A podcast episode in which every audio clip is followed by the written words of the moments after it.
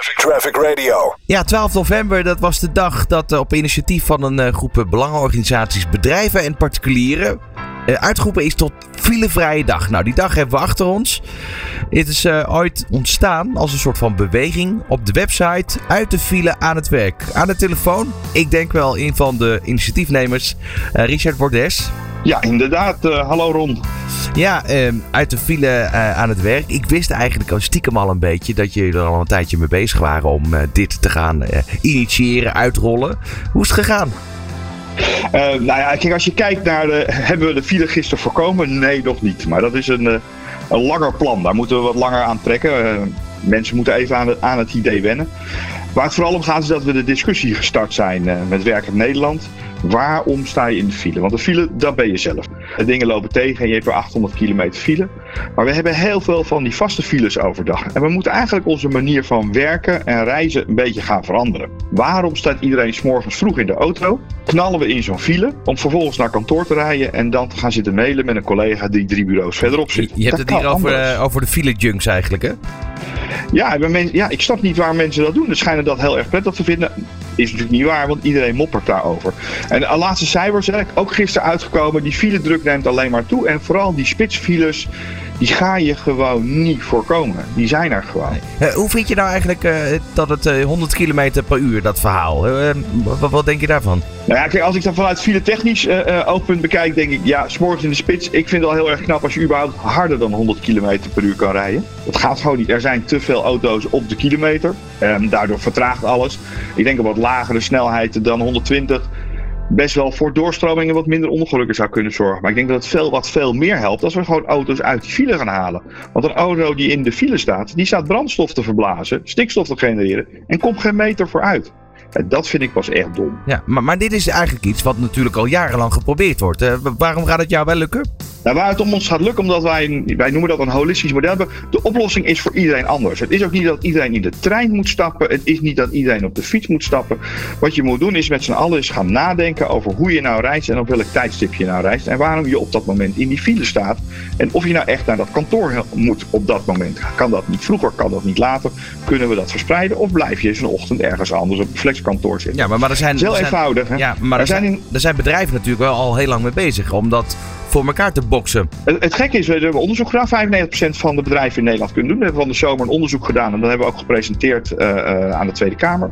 Uh, aan de Tweede Kamerlid ook uitgereikt, waarin we zeggen: van, ja, kijk, er, is, er is onderzoek gedaan. We zien dat 95% van de mensen de mogelijkheid hebben om vrij te kunnen werken. Daar hebben het over in Nederland over 8 miljoen mensen die werken. Daarvan zouden ongeveer 4 miljoen mensen op een andere manier aan het werk kunnen zijn. Dat zijn ook de mensen die s'morgens die files veroorzaken. Het idee is dat als je tussen 5 à 10 procent van de mensen s'morgens uit en s'avonds uit de spits zou halen, want die avondspits is net zo erg als die ochtendspits, dan heb je het probleem opgelost.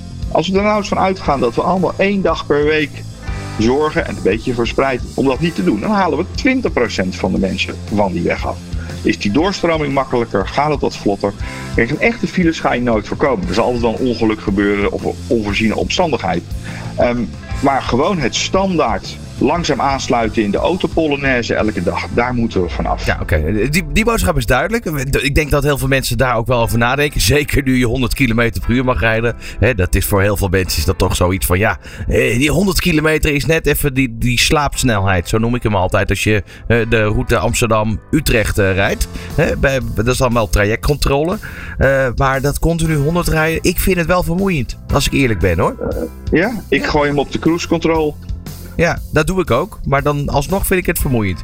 Maar goed, ja, dat nou, is... gewoon dat een goed radioprogramma aanzetten en dan kom je er heel en verder op. dat, dat, dat is even persoonlijk. Maar eventjes uh, over de dag van gisteren. Er moet dan zo'n dag komen.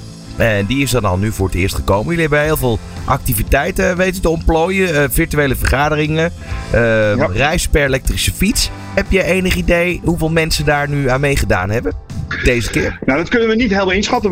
We, rekenen op een paar honderd bedrijven vanuit onze ambassadeurs en de bedrijven die eromheen hangen. Het, het, moet, het moet als een soort olievlek uh, komen. We zien dat we uh, via alle platformen meer dan honderdduizenden mensen bereikt hebben. Over dit idee en nagedacht hebben. We krijgen nog steeds vandaag ook nog mensen binnen die uh, hebben meegedaan, op een andere manier gereisd hebben. Er zitten de gekste dingen tussen. Is een keer van Almere naar Amsterdam en gisteren regende het hard door op de fiets gestapt zijn met de motor. Eén iemand zelfs met een paard. Uh, maar dan gaat het niet alleen om dat je anders reist. Maar ook dat je besluit om even pas op de plaats te maken. Een flexkantoor te zoeken. Een andere plek om je werk even te doen. En om tien uur gewoon netjes in de auto te stappen. En, uh, en af te reizen naar daar waar je heen moet. Uh, nu is deze dag hè, is voorbij. Wordt dit een jaarlijks terugkerend fenomeen? Of gaan er meerdere dagen per jaar plaatsvinden? Nou kijk, het idee van deze dag is dat als je het één keer per jaar kan doen, dan kan je het vaker doen. Dus voor ons is het een soort stok in de grond en een vlag die we uitsteken. Maar we willen uh, vanuit het platform, uit de file aan het werk, zorgen dat heel Nederland daar continu mee bezig bent. En eens nadenkt over hoe zijn we nu aan het reizen, hoe gaan we aan het werk. En wat is nou de beste manier om dat vandaag te doen. Um, en file is gewoon niet leuk. Dus als je alleen al voor je, hè, voor je eigen persoon de file kan vermijden, dan ben je al een heel stuk opgeschoten. En het hè, paradigma blijft: de file, dat ben je zelf. Je kan klagen over al die mensen voor je, maar er staat net zo'n rij achter je. Wat een mooi verhaal zeg. Jullie hebben een uh, website ontwikkeld, daar staat alles op. Um, het leuke eigenlijk van dit interview is, is dat dit ook. Um, eigenlijk vanuit huis is opgenomen. Dus ik ben niet naar Hilversum gereisd. Ik heb hem gewoon thuis opgenomen. Kijk, dat is goed. En daar hebben we. En, en daarvan zegt iedereen altijd: ja, maar voor mijn werk kan dat niet. Nou, met een beetje creativiteit kan dat voor een heleboel beroepen wel. Van de 8 miljoen mensen in, werken in Nederland zouden ongeveer 4 miljoen mensen dat best op structurele wijze kunnen doen. Uh, en wat ik al zei, vanuit onderzoek blijkt dat 95% van de managers ook dat prima vindt dat dat gebeurt, maar het beleid is er nog niet helemaal en het gevoel niet. Nou, laten we die discussie met elkaar starten. Ik wens je veel succes met Uit de File aan het werk. Dat is ook de website. Ik spreek je snel weer. Ja, dankjewel. Traffic, Traffic Radio.